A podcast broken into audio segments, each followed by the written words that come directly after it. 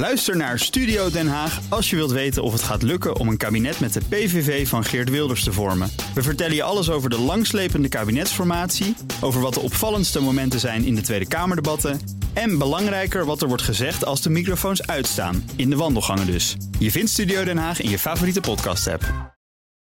Blijf scherp. BNR Nieuwsradio. BNR breekt. Ivan Verrips. Goedemorgen en welkom bij BNR Breekt. Vanaf half twaalf gaan we praten over het nieuws van de dag. Over pushbacks. Nederland moet meer doen om mensenrechten schendingen aan de Europese buitengrenzen te voorkomen. En we gaan het hebben over de onthullingen, de zoveelste onthullingen... over het verboden feestje van Boris Johnson. Die blijven maar komen. De Britse premier ligt alweer onder vuur en toch uh, zit hij er nog steeds. In mijn panel vandaag Lel Muns, voormalig voorzitter van de LSVB... en voormalig voorzitter van Dwars, de GroenLinks-jongeren. Goedemorgen. Goedemorgen. En Rabi Safi, journalist en de man achter De Belegger. Goedemorgen. Goedemorgen. We gaan beginnen met... BNR breekt. Breekijzer. Het kabinet moet vrijdag de lockdown opheffen. Dat is ons breekijzer vandaag. Het is uh, op dit moment uh, goed zoeken om eigenlijk nog maar iemand in dit land te vinden... die vindt dat die lockdown nog proportioneel is. Van de sporters tot aan de burgemeesters... en van de studenten tot aan de winkeliers. Iedereen wil gewoon weer open. En dat terwijl we qua besmettingscijfers uh, dagrecords aan elkaar uh, blijven, blijven rijgen. Maar de ziekenhuizen aan de andere kant die raken nog steeds minder vol, gelukkig. Volgens Aura Thieme van het RIVM hebben we de piek nog niet eens bereikt. Wij verwachten dat we de piek nog niet hebben gehad. Wij verwachten de piek pas eind van de maand te zien, begin februari, eind januari. Um, en we verwachten ook de komende tijd een verdere toename van het aantal besmettingen. Ja, wat kunt u zeggen over de mensen? Nou, dat weten we niet wat ze kan zeggen. Maar ik ben wel heel benieuwd wat jij ervan vindt. Nu Omicron echt minder besmettelijk lijkt en blijkt, is deze lockdown dan nog wel geoorloofd? Moeten we inderdaad een voorbeeld nemen aan landen om ons heen, waar je dus wel naar het restaurant kan, waar je wel mag winkelen. Um, en als we dan maatregelen gaan opheffen, wat dan als eerste? Waar heb jij behoefte aan? Of denk je, juist nu moeten we voorzichtig zijn en niet al te snel versoepelen, voordat we weer onze hand overspelen en dan maken we misschien misschien dezelfde fouten als in het verleden. Laat het me weten en bel naar 020 468 4 0 020 468 4 0 Ons breekijzer vandaag dus, dat is... Um, wat was het breekijzer ook alweer? Ik heb hem niet ergens voor me staan, maar ik zie het niet. Het kabinet moet vrijdag de lockdown opheffen, dat was hem. Um, ik ga er ook over praten. Zometeen hoor je wat mijn panelleden ervan vinden. Ik ga er ook over praten met Hans Biesheuvel, voorzitter van ONL, Ondernemers Nederland... en Jorik Blijenberg, corona-data-analyst. Goedemorgen allebei. Goedemorgen. Nou, um, eerst maar eens even. Ja, goedemorgen. Um, uh, Hans, de lockdown opheffen. Uh, als je naar winkeliers en andere ondernemers luistert, en ook bijvoorbeeld de burgemeesters nu, dan uh, krijg je het idee dat eigenlijk iedereen daarvoor is. Jij ook? Ja, nou ja, kijk, wij, zeggen altijd, we zijn de stem van de ondernemer in Nederland. Hè, dus het zou gek zijn als ik dan iets anders zou zeggen. Maar wat ik ook al voor reces heb gezegd, ja, weet je, de ondernemers kunnen niet van lockdown naar lockdown gaan. Hè. De mentale rek is eruit, de financiële rek is eruit. Dus um, ja, ik zou zeggen, het moet gewoon, uh, het moet gewoon anders nu, vanaf nu af aan. -hmm. Um, en je ziet in landen om ons heen dat het gewoon kan. Hè. Ik belde gisteren nog een collega-ondernemer in België. Die zat net te lunchen in, in Brussel. Ja, daar kan het dus gewoon wel. Met, met mondkapjes, met, met controle bij de, bij, de, bij de entree. Als je naar binnen komt of je gevaccineerd bent of niet. Maar het restaurant zat volgens hem gewoon vol. En je ziet dat de besmettingscijfers in uh, België niet significant afwijken van die in Nederland. Dus ja, het lijkt mij toch echt verantwoord dat we hier weer open gaan. Ja, oké. Okay. Uh, Jorik, hoe kijk jij ernaar? Uh, ook met je cijferachtergrond? Uh, ja, ja ik, ben, ik ben in ieder geval blij dat we deze discussie op dit moment op deze manier kunnen voeren. Want dat betekent dat het uh, eigenlijk relatief beter gaat dan, uh, dan voorgaande keren. Want eerst hebben we natuurlijk altijd discussies gehad van we zitten bijna op code zwart, waarom is er nog niks gedaan? En nu, nu zien we wat dalende cijfers in de ziekenhuizen, dus dat is positief. Wel wil ik daar refereren dat ja, ja, een maand geleden ging het gewoon echt niet goed. En dat is ook waarom die lockdown is gekomen. Ja. Uh, nog een maand geleden zei Peter van der Voort, Kamerlid bij D66 en ook IC in Groningen van het is feitelijk, feitelijk zitten we al in code zwart. Ja, toen, toen, een maand geleden ging het echt niet goed. Als we nu kijken naar van hoe staat het er nu voor in de, in de ziekenhuizen. Nou, dus er liggen net iets minder dan 400 mensen nu op de IC. dat is nu aan het dalen. Maar 400 was eigenlijk eerst het maximum wat Ernst Kuipers uh, zei uh, aan het eind van de zomer. En die zei van ja, we moeten echt niet meer mensen hebben dan 400. Mm. Want anders gaat het niet goed in de zorg. Ja. En, en Gommers zei we moeten eigenlijk terug naar 100. Uh, dus de niveaus die we nu zien in de ziekenhuizen, die zijn al gigantisch hoog. Uh, dus we zitten wel echt in een hele kwetsbare situatie op dit moment. Ja, maar wat is, jouw, wat is jouw analyse dan uh, lockdown-wise? We hebben natuurlijk uh, de basis middelbaar onderwijs weer geopend. Nou, daar ga je waarschijnlijk ja, wat voorspelen van de ruimte die je hebt. Dus, dus is er dan wat mogelijk? Of zeg jij um, op de IC's in de ziekenhuis is het, nog, is het nog zo ingewikkeld, dat moeten we niet doen? Ja, ik ben in ieder geval altijd wel optimistisch. Dus ik vind dat je alle ruimte moet gebruiken die je kan gebruiken. Op dit moment is het aan de daling in het aantal ziekenhuisopnames die we zagen, die is, dat is gestopt. Uh, we hebben nu ongeveer 150 opnames per dag. En risiconiveau ernstig begint bij maximaal 100. Dus dat betekent dat we ook nog daar nog wel echt boven de limiet zitten die we onszelf ooit hebben gesteld. Dat betekent uh, dat er nu niet veel meer ziekenhuisopnames bij moeten komen, omdat het ook daar anders zwaar gaat worden. Wel is het zo dat we het nu zien, en dan moet je gewoon kijken van wie wordt er nu besmet. Dat zijn vooral jongeren. Die zorgen nu voor die ontzettend hoge piek. Bij Dansen met Jansen in de zomer hebben we gezien dat ongeveer een week of twee daarna begon het ook echt te stijgen bij de ouderen. Dat hebben we nu nog wat minder, maar dat is nog heel even afwachten. We zitten echt in een onzekere situatie in dat, uh, dat opzicht. Nou, ik hoor jou in ieder geval voor enigszins positief. Dat is uh, voorzichtig positief, dat is fijn. Ik ga een rondje panel doen en dan kom ik bij onze bellers. Ons breekijzer vandaag, het kabinet moet vrijdag de lockdown opheffen. 020 468 4 keer 0 is ons telefoonnummer. Ja, Laal, um, je hebt je, uh, je hart ligt natuurlijk bij het onderwijs voor een groot deel. Ja.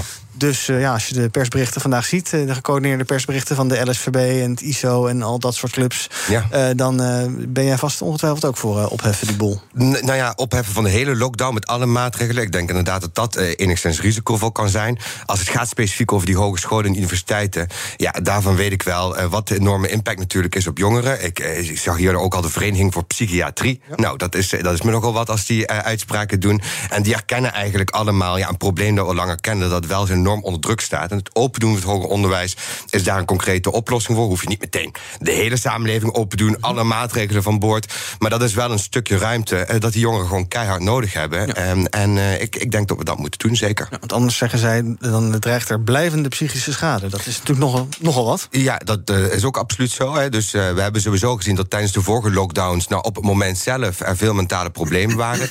Dit, hier zeggen ze van, nou, we moeten eigenlijk uitpakken, uitkijken hè, dat dat niet blijvend zou zijn. En ik weet ook, ja, als je heel erg lang wacht met het open doen van die hogescholen en universiteiten, op een gegeven moment is het sentiment bij de universiteitsbestuurders en hogeschoolbestuurders. Ja, we hebben nog maar uh, zoveel maanden van ja. het semester. Dus voordat je tijd, uh, voordat je weet, zit je toch veel langer in een lockdown dan wat je eigenlijk zou willen. En zo'n uh, instelling hebben ook ja, tijd nodig om dat allemaal te organiseren, zo open doen. Um, dus dat duurt even. Um, en daarom is het goed om dat zo snel mogelijk aan te kondigen. En die studenten weer te kunnen laten genieten van elkaar en van het onderwijs. Ja, en je zit immers alweer bijna halverwege het school, dan wel collegejaar. Uh, Rabi, um, lockdown opheffen, moeten we dat inderdaad maar doen? Veel uh, ondernemers, winkeliers zijn daarvoor. Ja, nou, ik, ik kan me wel voorstellen dat mensen er genoeg van hebben gehad. Want uh, ik denk als je alleen uh, maar om je heen kijkt en gewoon even anekdotisch met ondernemers spreekt, dan leven de meeste mensen gewoon eigenlijk een regelrechte hel. Ik uh, sprak laatst iemand die een, een zaalverhuurbedrijf heeft. Die heeft gewoon nog steeds een hypotheek lopen op, op die zaal. Weet je wel? En er komt letterlijk niemand die zaal naar binnen. Dus. Um, ik kan me voorstellen dat mensen het gehad hebben. Ik kan me voorstellen dat die instanties die die mensen representeren, dat die ook eindelijk durven daar iets tegen te zeggen. Ook zeker als je kijkt naar de sterftecijfers, die zijn. Die waren een maand geleden hoog. Dus je zou kunnen zeggen, goed dat we een lockdown hebben gehad. Ik geloof 77 uh, mensen die overleden zijn aan corona specifiek. Uh, maar nu zijn die extreem laag. En ik heb Rutte heel vaak horen zeggen: als cijfers het toelaten, dan uh, moeten mensen gewoon weer de straat op. En ja. uh, ik denk dat het nu kan. Ja, nou, Rutte is er nog, dus die kunnen we aan zijn woord houden. de jongen niet, maar daar gaan we het zo meteen wel even over hebben. We gaan een kort rondje bellers doen, kijken hoe onze luisteraars erover denken. En ik heb zo het gevoel dat dat opvallend enig eensgezind is. Mirjam, goedemorgen. Mirjam? Oh, hi. Goedemorgen. Hallo. Sorry, ik hoorde het niet. Ik zit in de auto. Goedemorgen, Ivan. Fijn dat ik even in de uitzending kan komen. Ik ben er zeker voor om de lockdown uh, op te heffen. Um, en waarom? Omdat we nu weer in een hele nieuwe situatie zitten. Uh, de ene gastspreker zei zojuist, we zaten in december in een moeilijke situatie. Dat klopt. Maar toen zaten we nog voor de hele boostercampagne. Inmiddels is de boostercampagne flink op stoom. En ik vind eigenlijk dat we de maatschappij niet meer kunnen gijzelen door deze lockdown voor te zetten. En ik ben voor opengooien van de maatschappij instappen, maar dan ook onder een 2G-beleid. En ik vind dat ieder zijn verantwoordelijkheid moet nemen en zich ook moet laten vaccineren. Want de mensen die nu opgenomen zijn in het ziekenhuis, zijn de mensen over het algemeen, in de meerderheid, die niet gevaccineerd zijn. En als we kijken naar de gezondheidsschade, betekent dat ook gezondheidsschade voor mensen die geen keuze hebben en die nog steeds op een wachtlijst staan om geopereerd uh, te worden. Ja. Ook de ondernemers, de jongeren, maar ook de ouderen die alleen thuis wonen. Iedereen uh, snakt naar het opengooien van de maatschappij. En we hebben nu een boost, we hebben vaccinatie, dus laten we daar in godsnaam gebruik van maken. Dank voor het bellen. Peter, goedemorgen. Goedemorgen, wat fijn dat ik in de uitzending mag komen. Ik ben uh, winkelier. Dus je begrijpt dat ik heel erg graag uh, de winkels open wil hebben. Mm -hmm. uh, wat ik erg onderbelicht vind in de, al die discussies... is dat zeg maar 95% van de winkels... Uh, niet kunnen rekenen op de, op de nauwsteun. Daar vallen we door een andere weging, door een andere berekening ineens uit dit keer. Dus waar we dat vorig jaar gewoon netjes mee konden doen, kunnen we ineens niet meer meedoen. Want wat gaat er mis? Dan kan je dat simpel in een paar zinnen uitleggen? Uh, ja, we konden het de vorige keer konden we het uh, vergelijken met dezelfde maand, of hetzelfde, kwart, hetzelfde kwartaal. En dit keer wordt het vergeleken met een gemiddelde omzet over heel 2019. Mm -hmm. Nou, alle winkels doen uh, gewoon een dubbele omzet in december. He, dat is gewoon normaal. Ja. Uh, ja. we zijn er precies tot de helft gekomen. En nou is dus de theorie uh, voor die nieuwe nou... dat we dus niet gemind hebben ja. ten opzichte van een standaard maand. Maar we hebben gewoon een hele maand omzet ingeleverd. Zo moet je het zien. Dus die twee weken van december betekenen van onze maand... Nou, bij mij is dat 50% minder. En in november 30% minder. Uh -huh. Dus over zo'n kwartaal min ik ruimschoots uh, volgens de norm. -huh. Alleen omdat ik het moet uh, vergelijken met de gemiddelde maand... ja, krijg ik gewoon geen steun. En met mij al die andere ondernemers ook niet. Ja, jij zegt ik, heb dus... niet over de, ik heb het niet over de horeca, ik heb het nou echt puur over de winkels. Ja, precies. En jij zegt dus, ja, omdat dat niet te doen is, moeten wij gewoon weer open. Want anders dan is het uh, binnenkort einde verhaal voor jou als ondernemer? Nou ja, ik denk dat, er, um, ik denk dat meneer Meerman dat wel goed heeft gezegd. Van, ja, laten we kijken wat er mogelijk is. Alleen als dan blijkt dat je alleen maar op afspraak mag winkelen... Ja, dat, dan hebben we nog steeds een heel groot probleem. Um, want uh, wat dan daar direct aan gekoppeld moet worden... is dat alle winkels wel degelijk in de steunmaatregelen vallen. Uh, en dat mis ik. Dat mis ik heel erg in de discussie. Ja, duidelijk. Dank voor het bellen. Alex, goedemorgen. Hallo? Hallo, zeg het maar. Ik, mis in de hele discussie, ook op televisie en alles. Het, wat is het doel eigenlijk van die lockdown? Het doel is dan de ziekenhuisopnames verminderen. Maar dan moet je ook afvragen, wie liggen er in de ziekenhuizen? Snap je? En mm-hmm. daar mis ik gewoon hoop in. Als je dus 2000 mensen die in het ziekenhuis liggen, afzet tegen 17 miljoen mensen, hoeveel procent is dat? Dat is 0,00014 procent. Mm-hmm. Snap je? En dan denk ik, je sluit miljoenen kinderen, sluit je op. Mijn zoontje doet rugby. Ik mag, dan zegt ze de reisbeweging beperken. Elk ouder komt met zijn eigen kind naar het rugbyveld. Op het veld kan je makkelijk anderhalve meter afstand hebben. Mag niet. Nee. Waarom niet? Dat is puur veilig. Maar die ouderen die in het ziekenhuis liggen, die hebben allemaal onderliggende klachten.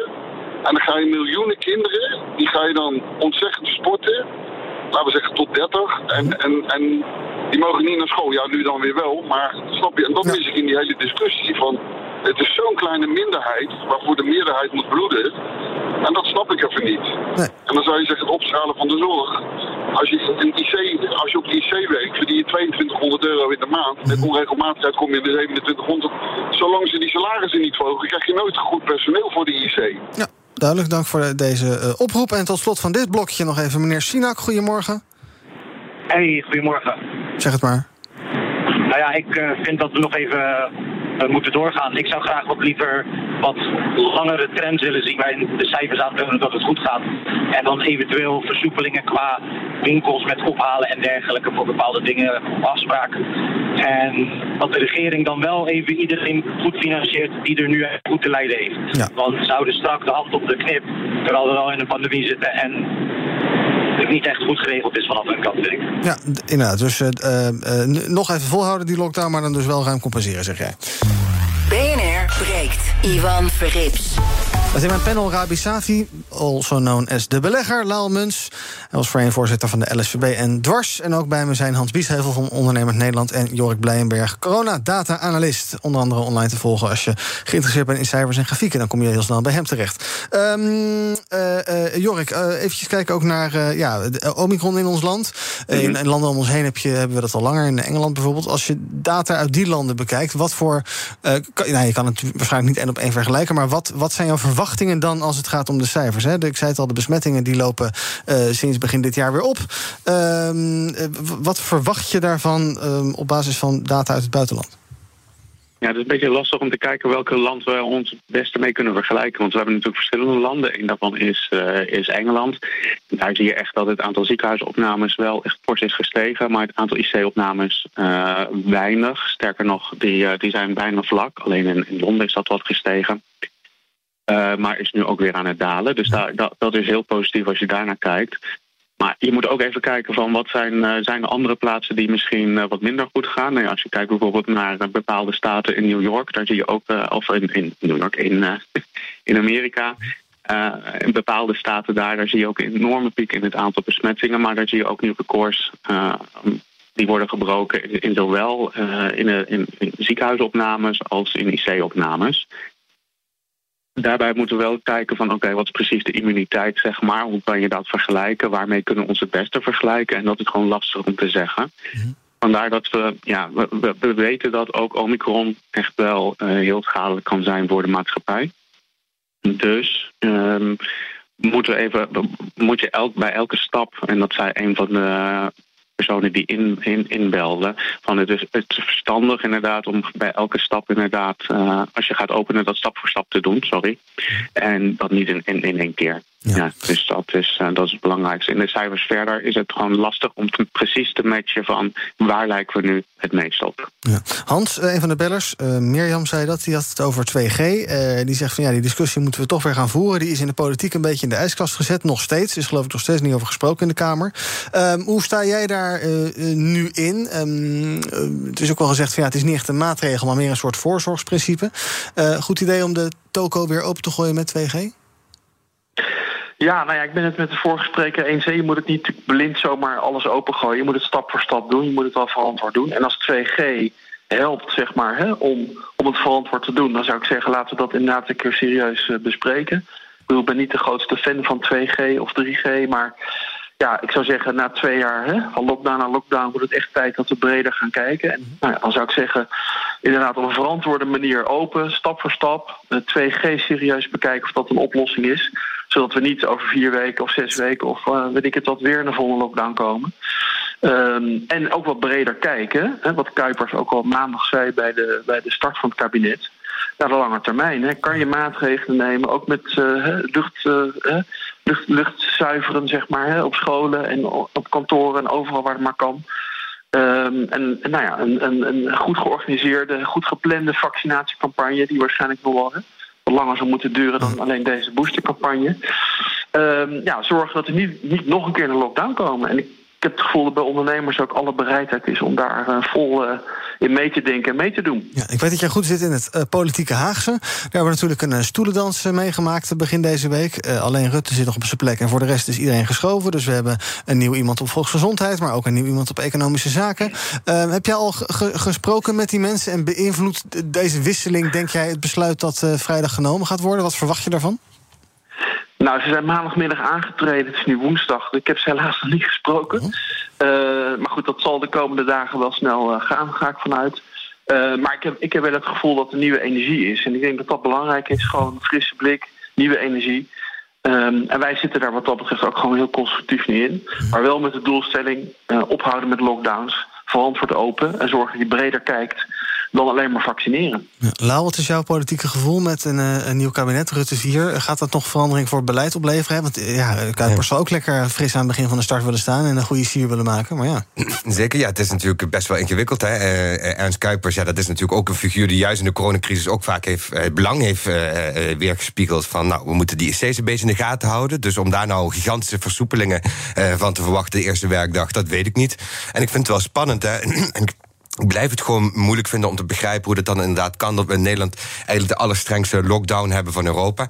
En we hadden het net over 2G. Ja, je ziet eh, dus wel dat in andere landen, als er dan wat open is, dat er wel dat soort systemen toegepast worden. Dus ik, ik, eh, ik hoorde Ernst Kuipers zeggen van ik wil wat meer werk maken van de lange termijnvisie. Ja, dan zul je moeten gaan kijken naar eh, zaken als uh, de IC-capaciteit omhoog krijgen. Dan zul je moeten kijken naar ook 2G, 3G. Um, ik zag in Duitsland dat je echt op elke straathoek kunt testen. Dus je hoeft maar eventjes vijf minuten door de stad te lopen en dan staan al drie test uh, vakjes neer. Dus het zijn dat soort initiatieven waar hij aan zal moeten werken. En ik hoop wel uh, dat die lange termijnvisie dat dat de komende week uit de hoed gaat komen. Ja. Nou, Rabi, we hebben dus de ondernemers die zichzelf belangrijk vinden. Burgemeesters vinden het belangrijk dat die winkels allemaal blijven bestaan. We hebben natuurlijk het onderwijs dat zichzelf belangrijk vindt. allerlei andere mensen vinden het ook belangrijk. We hebben ook nog de sportsector. Er zijn ook allerlei petities met honderdduizend handtekeningen van mensen die zeggen: sporten moet weer open, want het is gezond. Ik zag net nog een bericht van NOC-NSF voorbij komen, die ook zeggen: heropening sportsector is cruciaal voor de gezondheid. Um, ja, nou, zeg het maar dan. Maak je, doe maar eventjes, uh, fluister het maar even in in het oor van meneer Kuipers. Wat moeten we gaan doen? ja, ik denk dat het duidelijk is. Hè? Als je naar iedereen moet luisteren, dan, uh, dan is het heel duidelijk. ja. ja. en uh, als je ook kijkt naar de cijfers, dan is het ook heel duidelijk. Want ik, ik, denk dat we ook voordat die lockdown er kwam, gewoon te lang de discussie hebben gevoerd of we 1G, 2G, 3G, 4G, 9G, 20G gaan, gaan implementeren of niet. Mm Als we dat gewoon toen al deden, dan had je die lockdown niet nodig. Ja. Laten we tot slot nog even kijken naar enkele bellers um, die uh, uh, ons gebeld hebben. Dus Rob, goedemorgen. Goedemorgen, Rob de Bult. Ja, de aanvulling wat Jorik al gezegd heeft. Wat mij opvalt uit de data uit het buitenland... is dat er een hele korte tijd bij deze golf... heel veel mensen heel ziek kunnen worden. En dan ga je zien dat er overal in bedrijven... hoge uh, ziekteverzuim hoge uitval is. En dan zie je in de zorg... je ziet het, uh, je ziet het ook in de hele supply chain, kritische winkels... dat er allerlei diensten uitvallen. Dus ook met onderwijs, maar speciaal ook... bij de bevoorrading van de supermarkten en zo... dat er ook heel veel mensen in één keer ziek kunnen worden. Dus daar moeten we wel op, op letten. Want ja, wij zijn in Nederland helemaal gefixeerd op die IC. Mhm. Maar er zijn ook nog andere onderdelen, ook in de zorg. Die, uh, bijvoorbeeld de eerste lijn zorg, huisartsen en zo. Mensen bij uh, de, de lijkbezorging hebben problemen. Dat mensen op tijd uh, begraven en zo kunnen worden. Dat, dat soort dingen. Dus dat moeten we ook allemaal meewegen. Maar Omicron in combinatie met de vaccinatiegraad... dat is wel een echte gamechanger hoor. Daar moeten we wel rekening mee houden. Ja, maar zou je dus zeggen van ja, het voorzorgt dan toch nog maar eventjes voorzichtig zijn... om ervoor te zorgen dat, dat niet uh, al die sectoren helemaal uh, vollopen met zieken? Nou, je moet deze keer een breed impact assessment maken. Dus je moet niet alleen naar die IC kijken. Je moet naar alles kijken, de hele maatschappij, alles meewegen. En dan moet je beslissing maken wat is verantwoord. Daar moet je echt goed op letten. En leren uit de ervaringen die we vanuit buitenlanden hebben. Speciaal met het hoge ziekteverzuim. Want ondanks vaccinatie zie je toch dat er heel veel mensen tegelijkertijd heel erg ziek kunnen worden. En dat heeft een hele grote invloed op de maatschappij. Dat zie ik in Engeland gebeuren bijvoorbeeld. Ik zag een leuk cartoontje in de krant. Daar zie je uh, iemand in bed liggen en die steekt zijn hand op en die roept zuster. En dan daarnaast staat een bed en daar roept, ligt iemand in die zegt ja. Dus die ligt dan ook in het ziekenhuis. Leuk. Ja. John, goedemorgen. Of John. Goedemorgen. Hallo, zeg het maar. Ja, ik wou even. We hebben nu uh, onze vaccinaties gehad. We hebben een hoop boosters gehad. En dat blijkt, uh, we testen nog steeds positief. Dus wat mij opvalt in, de, in deze hele discussie, dat het allemaal koffiedik kijken is van iedereen. En als de publieke sector open is, dan verandert de situatie niet. En de IC's, ja, die moeten ze naar kijken van wat ligt er op een IC en is dat een kerngezond iemand of zijn het mensen met onderliggende klachten?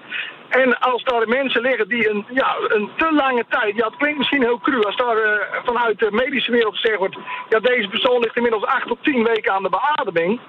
Uh, dan moeten we een beslissing overnemen. Want de reguliere zorg die komt gewoon op deze manier in de knel. En we kunnen die lockdowns ook doen. Maar ik denk dat de lockdowns ja, op de lange termijn... de sociaal-emotionele schade... dat die nou wel, wel 100 tot 1000 keer groter is... als, als het aantal patiënten wat aan op dit moment overlijdt. Hm. Ja, duidelijk. Dank voor bellen. En tot slot een andere John, geloof ik. John of John, goedemorgen. Ja, goeiedag. Hallo, zeg het maar. Ja, wat we aan het doen zijn, we gaan dus voor, voor een paar duizend, uh, of nog geen paar duizend mensen die in het ziekenhuis liggen, gaan we dus 17 miljoen, 17 miljoen mensen isoleren. En, uh, en dus in feite worden we gegijzeld uh, en, en worden onze fundamentele rechten worden gewoon geschonden op deze manier. Door, door een lockdown, doordat we niks meer kunnen. We zitten eigenlijk gewoon in een soort oorlogssituatie, lijkt het wel. Ja, en dat vind jij dus overduidelijk niet proportioneel. Dank voor het bellen. Uh, ons breekijzer vandaag um, uh, had natuurlijk te maken met die lockdown... en was het kabinet moet vrijdag de lockdown opheffen. Je kunt nog de hele dag stemmen op onze Instagram-pagina. Daar is zo'n 90% het eens met uh, deze stelling. Ik ben heel benieuwd hoe dat gaat blijken uit de volgende onderzoeken... naar wat Nederland hier eigenlijk van vindt. Want er lijkt toch wel iets aan de hand te zijn. En we gaan het zien bij die persconferentie. Vandaag OMT, morgen vergaderen de burgemeesters. En vrijdagavond is er dan een persconferentie voor het eerst met Ernst, Ernst Kuipers dan dus. Dank aan Hans Biesheuvel van ONL en Jorik Blijenberg... Uh, die alle coronacijfers in de gaten houdt. Uh, zometeen ga ik verder praten met Rabi en Laal over ander nieuws van de dag. Bijvoorbeeld over uh, TKW, thuisbezorgd. Um, levert weer meer maaltijden af. Hoe lang gaat het nog duren voordat ze dan ook eindelijk daarmee geld gaan verdienen? En de zoveelste misstap van Boris Johnson. En nu begint zelfs zijn eigen partij te morren. Ja, is het dan einde verhaal voor Bojo of toch nog niet? Zometeen in het tweede deel van BNR Breek. Tot zo. Bij BNR ben je altijd als eerste op de hoogte van het laatste nieuws. Luister dagelijks live via internet. Bas van Werven. En heel langzaam komt de zon op rond dit tijdstip. Je krijgt inzicht in de dag die komt op BNR, het Binnenhof in Nederland en de rest van de wereld. De Ochtendspits. Voor de beste start van je werkdag. Blijf scherp en mis niets. Scherp. BNR Nieuwsradio. BNR breekt. Ivan Verrips. Goedemorgen en uh, welkom terug bij BNR Breekt. En mijn panel vandaag, Rabi Safi, bekend als De Belegger. Je kan hem vinden online, Instagram, zijn website bijvoorbeeld. En ook Laal Muns, voormalig voorzitter van de LSVB... en ook voormalig voorzitter van Dwars. En we gaan praten over het nieuws van de dag. Al dat andere nieuws van de dag. Te beginnen bij een uh, advies van de Adviescommissie voor Vreemdelingenzaken. Zij zeggen, Nederland moet meer doen tegen de pushbacks... aan de Europese buitengrenzen. Volgens die commissie moet Nederland oppassen... dat we hier niet mede verantwoordelijk voor zijn... met ook alle ja, gevolgen van dien, ook financiële gevolgen van dien. En dat asielbeleid dat wij en andere Europese landen voeren, dat rammelt, vinden zij. Um, Luil, het is uh, iets wat voor veel mensen toch een beetje een ver, bed van een, ver weg van bedshow zal zijn. Um, maar uh, deze commissie maakt zich zorgen om de rol die ook wij spelen bij het Europese migratiebeleid. Ja, nee, ik denk dat het uh, wel terecht is. Pushbacks, waar gaat dat eigenlijk over? Dat zijn uh, mensen die proberen asiel te zoeken in Europa. Dat kan zijn om ze vluchten voor oorlog, voor conflict. en eigenlijk heb je als plicht, hè, ook als ondertekenaar van de vluchtelingenverdragen, om in ieder geval dat te beoordelen, zo'n asielaanvraag. En als het dan niet zo is, dan kan iemand alsnog terug naar huis gestuurd worden. Maar dat je mensen op een gewelddadige manier buiten de grens houdt, zonder die een mogelijkheid te geven, ja, dat is tegen de internationale verdragen.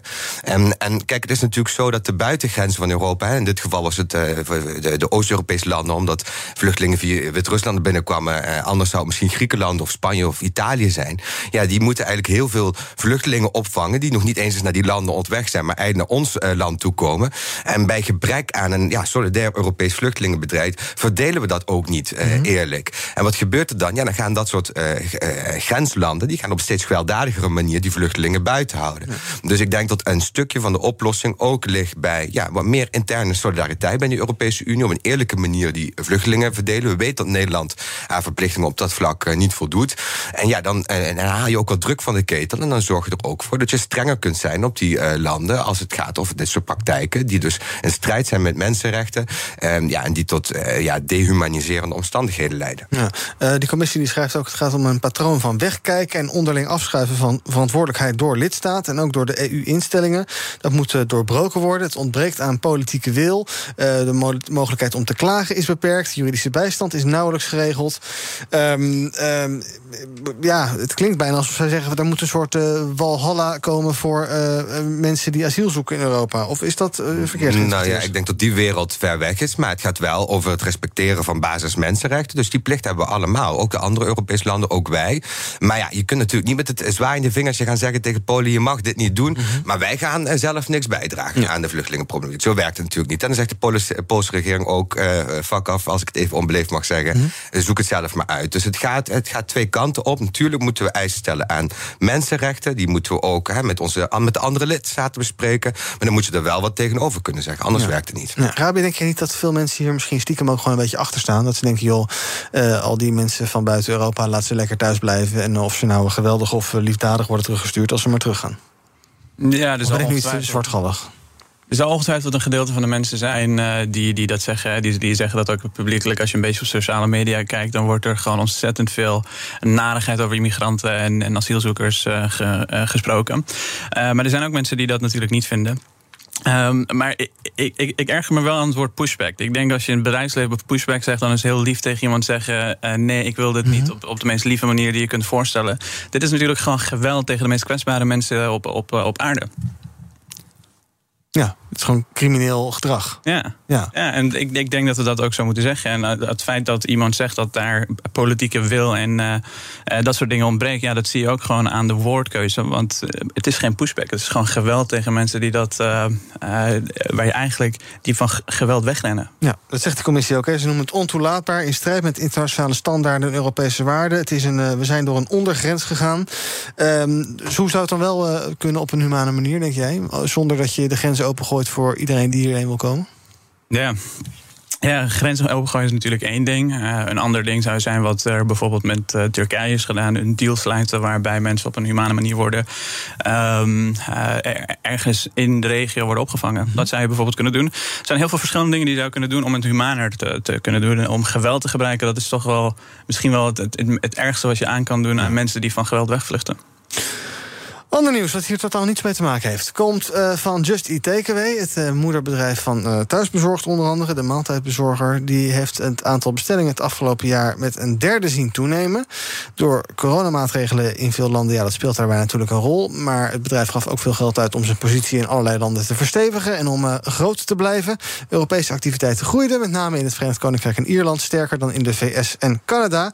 Ehm, nou, dan kijk ik toch even naar de belegger in ons binnen, naar Rabi. ja, op zich, als je even met boerenverstand denkt, dan uh, zou je denken: uh, thuisbezorgd, uh, restaurants zijn dicht geweest, Europa zit of zat in lockdown, dan wel in quarantaine.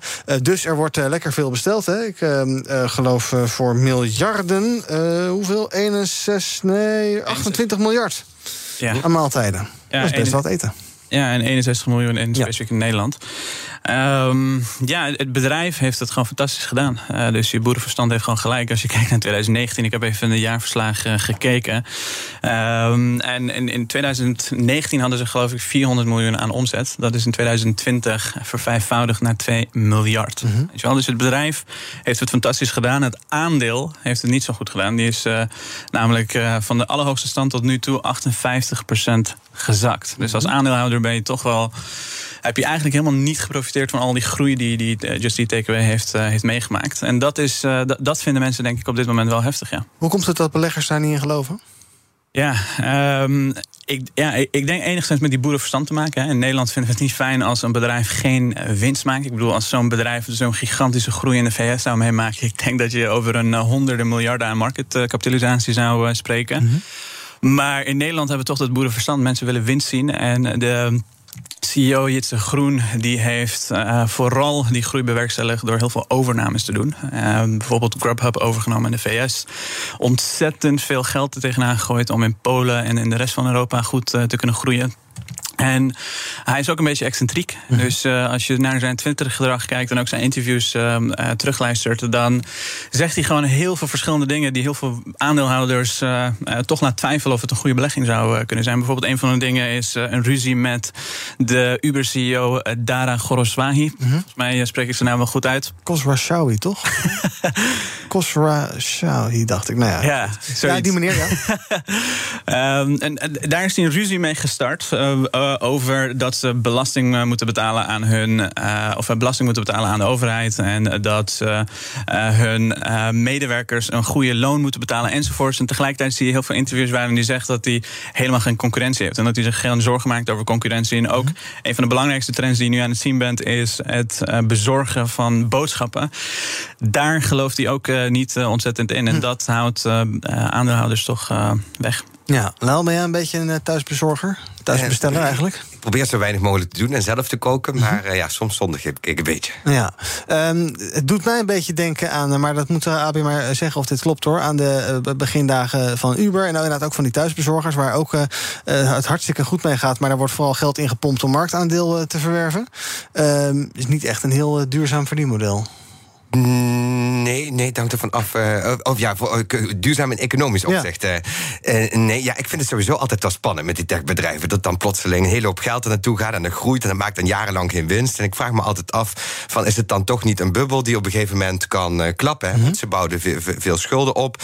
Um, het, het, duurde een tijd voordat zo'n bedrijf winst begint te maken. Dus in de Verenigde Staten zie je inderdaad dat dat meteen een hele hoop geld kan aantrekken van allerlei investeerders.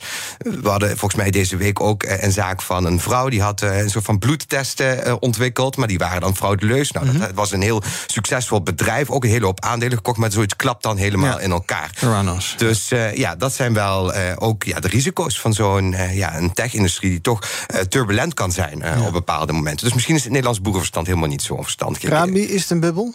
Of, of is takeaway wel een Just Take wel een blijvertje? Ja, ik denk wel een blijvers hoor. Ik denk dat, uh, dat, dat, dat, dat tech absoluut geen bubbel is. Ik denk als je, kijk, als je simpelweg naar de jaarverslagen van de meeste techbedrijven kijkt, dan zul je zien dat ze bijna geen schulden hebben. Tech, is, tech heeft gewoon tijdens de COVID-pandemie geen enkel euro aan schuld opgebouwd. En alle geld wat ze vaak ophalen zijn van investeerders. Dat, zijn niet, uh, dat, dat, is niet een lening vaak, maar iemand koopt aandelen binnen een bedrijf en ze worden aandeelhouder een stukje. Weet je wel. Dus dat zijn geen schulden die ze opbouwen. Tech heeft, heeft juist laten zien dat er gewoon heel veel cashflow kan worden gegenereerd genereert een heel erg sterke balance sheets uh, hebben. Um, maar wat de boer niet kent, dat vreet hij niet. Zoals ik zei, in Amerika, als Just Eat Takeaway in de VS was opgericht en niet in Nederland, dan was het waarschijnlijk een honderden miljarden bedrijven. Er zijn heel veel bedrijven met ongeveer dezelfde marges, ongeveer dezelfde omzet, ongeveer dezelfde verlies uh, in, op papier die enorme marktaandeel pakken, die vier, vijf keer de winst of de omzet uh, laten groeien, die uh, vier, vijf, zes keer meer waard zijn dan, uh, dan, dan Just Eat Takeaway. Als je kijkt naar bijvoorbeeld een bedrijf als Deliveroo. Wel, die, is echt, die zit dan wel in Londen. Maar die, heeft bijna net zoveel, die is bijna net zoveel waard, terwijl ze veel minder omzet en dergelijke. Hm. Heb je nog een gouden tip voor Jitse? Niet zo goed nu je toch, nu je toch luistert. Doe normaal. BNR breekt. Over normaal doen gesproken, altijd normaal gebleven, Thomas van Zel. Het was net alsof ik al uh, luisterde naar BNR Zaken Ja, wij proberen, een beetje, wij proberen het succesformule ja, van Zaken doen een beetje na te doen. Ja, ja, ja. Een beetje mee te snoepen van jouw succes. We gaan uh, gewoon vrolijk op datzelfde pad verder met uh, Karim Henkes. Hij is de topman van CGK in Nederland, IT-dienstverlener. Een sterk groeiende IT-dienstverlener, met name omdat ze de ICT-consultancy-tak van KPN hebben overgenomen. Een tak die eigenlijk veel groter was dan het oorspronkelijke bedrijf. Hoe ze dat voor elkaar gekregen hebben, dat ga je zo meteen horen. Ook interessant dat eh, de top van CGK in zijn totaliteit afkomstig is van Centric. Dat dan weer bekend is vanwege die uh, topman, Gerard Sanderink, die nogal opzienbarende strapatsen uithaalt. Dus daar gaan we het zeker ook over hebben. Het lobbypanel is ook aanwezig. En het lobbypanel heeft het druk, want het nieuwe kabinet is aangetreden. Er zijn weer ontwikkelingen van gemeentes die zeggen dat winkels meteen open moeten. En daarover gesproken, wij beginnen zo meteen de uitzending met de burgemeester van de waarnemend burgemeester van Barneveld. een van die gemeente die heeft gezegd... Uh, luister eens, die lockdown het heeft nu lang genoeg geduurd. De middenstand staat uh, met de rug tegen de muur. Het moet en het kan anders. Dus ook dat komt zo meteen in sprake in BNR Zaken doen. Nou, dan gaan wij nog even wat uh, andere imitatiedingen doen. Dankjewel. Yes. Zometeen uh, tussen het echte programma Zaken doen... en dit is een beetje het voorprogramma. Maar zometeen 12 uur, Thomas hier. BNR Het is nog echt zo, want we gaan even kijken wat uh, jullie op was gevallen in het nieuws vandaag. Lael, jij wilde het hebben gisteren over de uh, doorrekening van het CPB... van het coalitieakkoord van Rutte 4. Wat viel jou daarin op? Ja, voor de uh, luisteraars thuis. Hè. Kijk, uh, het kabinet is heel fors aan investeren in onze economie, zo zeggen ze dat. En ze zeggen eigenlijk van ja, dat heeft uh, maar een beperkte invloed op onze staatsschuld, want dat zijn uitgaven die gaan we maar één keer doen. Nou, en deze doorrekening die laat eigenlijk zien van, maar is dat wel zo realistisch? En zij zeggen ja, de staatsschuld die loopt wel degelijk fors op en op lange termijn zou dat zelfs tot 90% van het bruto binnenlands product kunnen zijn. En zij zeggen eigenlijk, ja, de rekening voor al die investeringen die nu gedaan worden, die zijn helemaal niet zo incidenteel, maar die zijn eigenlijk structureel. En daar gaan natuurlijk later ook jongeren uh, de, ja, de, de, gevolgen van ervaren en die moeten betalen. Nou, toen zat ik te denken thuis van, ja, nou, je wilt natuurlijk uh, zeker die investeringen doen. Daar hebben jongeren ook baat bij. Dat gaat over klimaat, gaat over onze toekomst. En, maar waar, nou, waar deze coalitie in het strooien van al het geld eigenlijk geen goede keuzes in maken, is ook kijken naar de inkomstenkant. Hè. Dus dat signaleert die doorrekening ook. Die zegt van ja, je zou eigenlijk moeten kijken naar het vergroenen van onze belasting. Dus niet alleen maar subsidies geven, mm -hmm. maar ook kijken hoe je de vervuiler kunt laten betalen. Heel liberale principes die in, de meest liberale regering ooit eigenlijk uh, onvoldoende aan bod komen. Uh, en anderen denk ik ook van ja, als je naar die inkomstenkant wil kijken, durf dan ook hebben over iets als een kapitaalwinstbelasting, et cetera. Dus ja, wat, wat je eigenlijk ziet is dat er heel veel geld uitgegeven wordt, dat dat ook nodig is, omdat er veel achterstallig onderhoud is aan de ene kant, maar uh, dat er geen keuzes gemaakt worden over hoe dan die begrotingstekorten op lange termijn binnen de perken te houden. Dat kan wel gevolgen hebben. En ja, dan zou je toch ook ergens wel aan je inkomsten moeten doen als je wilt dat de boekhoudsboekjes een beetje nog in balans blijven. Ja, daar mogen wat, wat radicalere keuzes in gemaakt worden, vind jij. Um, is het op zich uh, goed dus dat we inderdaad uh, tientallen miljarden gaan uitgeven aan inderdaad klimaat, woningbouw, stikstof, ellende oplossen. En dat inderdaad generaties na ons dat gaan betalen. Het is ook een beetje ja, laf of flauw of makkelijk. Dat we het bonnetje even doorschuiven naar uh, de kinderen van onze kinderen. En daar de kinderen van. Nee, ja, zeker. Ingewikkeld. Ja, het heeft echt ermee te maken dat we dit soort problemen zo lang hebben uitgesteld. En daar zoveel achterstallig onderhoud hebben. Nu kun je eigenlijk niet anders dan ze wel degelijk oplossen. Dus, uh, uh, maar ja, dat is soms wel pijnlijk. En de jongeren gaan inderdaad rekening van betalen. Maar we kunnen die rekening wel minder groot maken als we keuzes durven te maken over wat ga je doen dan met je belasting. Wat ga je doen? en dan moet je kijken waar leidt het, waar, waar kun je het het meest laten bijdragen bijdragen. En met ook de doelen die je hebt. Dus zorg dat je op klimaat ervoor zorgt dat je je fiscaliteit vergroent. Zorg ervoor dat je ja, misschien de allersterkste schouders ook wat meer laat bijdragen. Door zo'n kapitaalwinstbelasting. Ja, dat zijn. Maar als je die, die vraag van de inkomsten niet durft te stellen. omdat je alleen maar geld uitdelen bent. ja, dan komt inderdaad een te grote rekening op jonge generaties te liggen. Dus dat moeten we niet willen. Ja, dat het CPB zich zorgen maakt om die staatsschuld was mooi te zien in dat rapport. omdat het balletje de kantlijn uitliep. Dat was wel. Eh, eh, hadden ze geen ruimte meer voor. op het rapport is aardig om te zien. Um, Rabi, jij wil het hebben over Melania Trump. En vooral haar hoed, een aquarel daarvan en een NFT daar dan weer van. Uh, wat is er aan Ja, ja ik, uh, niet per se over Melania Trump, maar inderdaad over die NFT. En uh, Misschien heb je het meegekregen, maar NFT's zijn op dit moment echt een enorme hype aan het worden. volgens mij is er geen enkele influencer of bekend persoon die het er niet over heeft, die niet een eigen NFT aan het verkopen zijn. En.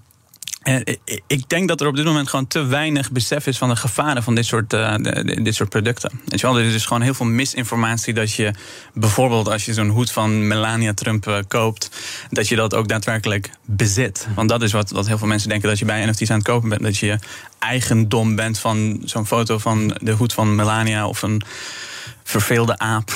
Ja. of dat soort zaken, weet je wel. En uh, daar wil ik het uh, vooral over hebben. Ja, want uh, je wordt niet de eigenaar daarvan, maar je wordt op papier eh, eigenaar daarvan. Of het, is al, het blijft altijd een beetje vaag. Hè? Het gaat inderdaad voor enorme bedragen gaan, dat soort dingen over de toonbank. Ja, nou, er is gewoon ontzettend veel misinformatie. -huh. Bijvoorbeeld een van de um, aannames die op dit moment worden gedaan, is dat zoiets wordt bewaard op de blockchain.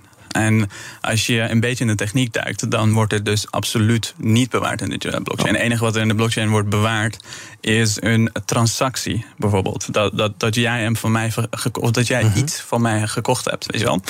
Dus je bezit in principe niks. Er is wettelijk niks vastgelegd. Maar er zijn wel honderden, duizenden mensen die die NFT's aan het kopen zijn onder gewoon simpelweg misinformatie. Ja, dus het is een grote gebakken luchtshow. En trap er niet in, zou je zeggen. Ja, ja zeker weten. Want ik heb zelf, um, uh, ik geloof uh, afgelopen weekend uh, nog gepost over een NFT die in Nederland bijvoorbeeld heel erg mhm. populair is. Er zijn stuk vier, vijf, zes verschillende influencers met een totaal bereik van 3 miljoen Nederlanders die een NFT genaamd Space Bulls hebben gepromoot. Um, en ik heb heel veel mensen gewaarschuwd op Instagram van... hey, dit ziet er niet heel pluis uit. Als je kijkt naar de metadata, als je kijkt naar de verschillende zaken die belangrijk zijn... wanneer je naar een NFT kijkt, dan zie je gewoon... dit lijkt op een regelrechte scam. Oké. En vandaag, nee, gisteravond, bleek dat het ook daadwerkelijk een scam was. Dus er zijn gewoon honderden duizenden mensen in principe opgelegd. Er is een moderator geweest die zogenaamd gehackt is. En die heeft een link gedeeld waarmee, ik geloof, de laatste cijfers die ik bekeek, iets van uh, 20, 25 Ethereum zijn buitgemaakt. Dus meer dan 100.000 euro. En dan heb je het nog niet eens over de, de verkochte NFT's. Ja. Opletten dus. Um, jouw eerste sms'je, misschien kunnen we die als NFT gaan verkopen, Laal? Kan nou, je grof geld mee verdienen? Ja, blijkbaar. Ja, ja. maar ik vind het eh, toch echt onvoorstelbaar. Überhaupt dat je gewoon geld zou betalen voor iets dat digitaal is. Dat je nog niet eens in je handen kunt nemen. Dus ik, ik, ik had daar een paar, paar, weken geleden voor het eerst voor gelezen. En ik dacht al van wie doet nou weer zoiets. Maar er worden dus blijkbaar ook mensen mee opgelicht. Dus, ja, eh, en er zijn dus blijkbaar mensen zat die ja, gewoon eh, money to burn hebben. En uh, ja, zich vervelen of zo. Ja, ik snap wel het idee ervan, van iets digitaal bezitten. Als je wel eens een Habbo Hotel bijvoorbeeld hebt gespeeld in het verleden dan weet je als je een, een, als je een bepaald soort hoed hebt en mensen vinden dat dan dat daar heel weinig van is en dat het veel waard is. Ja, uh, ik snap dat wel. Maar wat ik uh, vooral probeer aan te kaarten is dat mensen niet snappen dat je eigenlijk helemaal niks bezit. Je bezit letterlijk een transactie die gebeurd is en eigenlijk helemaal niks. Zelfs dat foto, die foto's zouden dus op een gegeven moment kunnen worden veranderd. Of als een bedrijf als OpenSea waar je dat koopt, als dat uh, failliet gaat, dan ben je gewoon je foto ook kwijt. Ook weer vele, op vele miljarden gewaardeerd is OpenSea geloof ik. Hè? Ja. Nou ja, goed. Goed opletten als je daar wat gaat doen dus. We gaan nog even kijken wat er trending is op de socials. Nou, onder andere uh, Facebook is trending. De FTC, de Amerikaanse toezichthouder, Federal Trade Commission... beschuldigt de techbedrijven van een uh, illegale monopolie... op de markt van sociale media in stand te houden. Ook meneer Djokovic is weer trending. Die erkent inmiddels zijn fouten op het inreisformulier voor Australië. Er is wel gereisd in de 14 dagen voorafgaand dat hij binnenkwam in Australië. Hij was namelijk in Spanje. Morgen zou besloten worden of hij uh, daadwerkelijk mag deelnemen aan de Australian Open. Die begint komende maandag. En verveel jij je ook zo tijdens de lockdown? Nou, het is deze maand hashtag januari vlindermaand.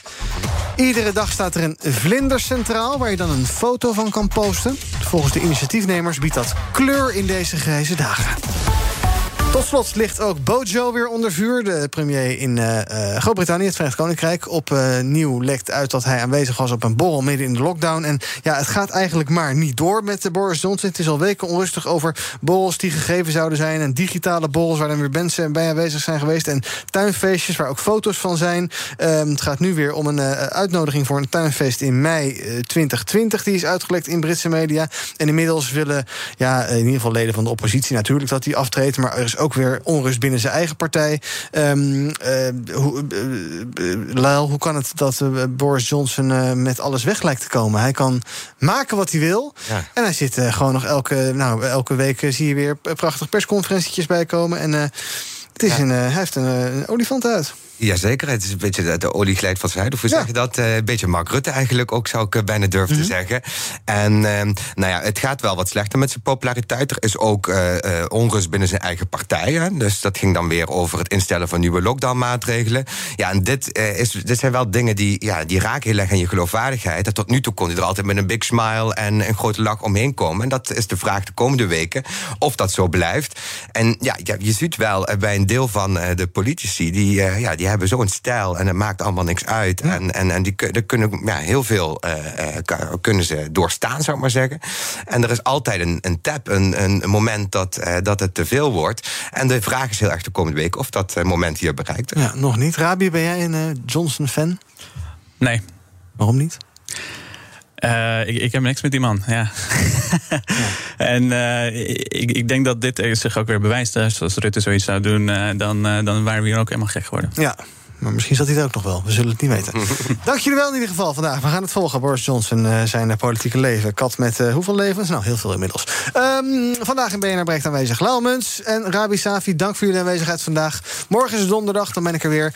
Tot die tijd kun je ons volgen op de socials. Zoek maar even naar BNR op Twitter, Instagram. Uh, je vindt ons vanzelf, YouTube ook. En zometeen is het Thomas hier met Zaken doen. Tot morgen.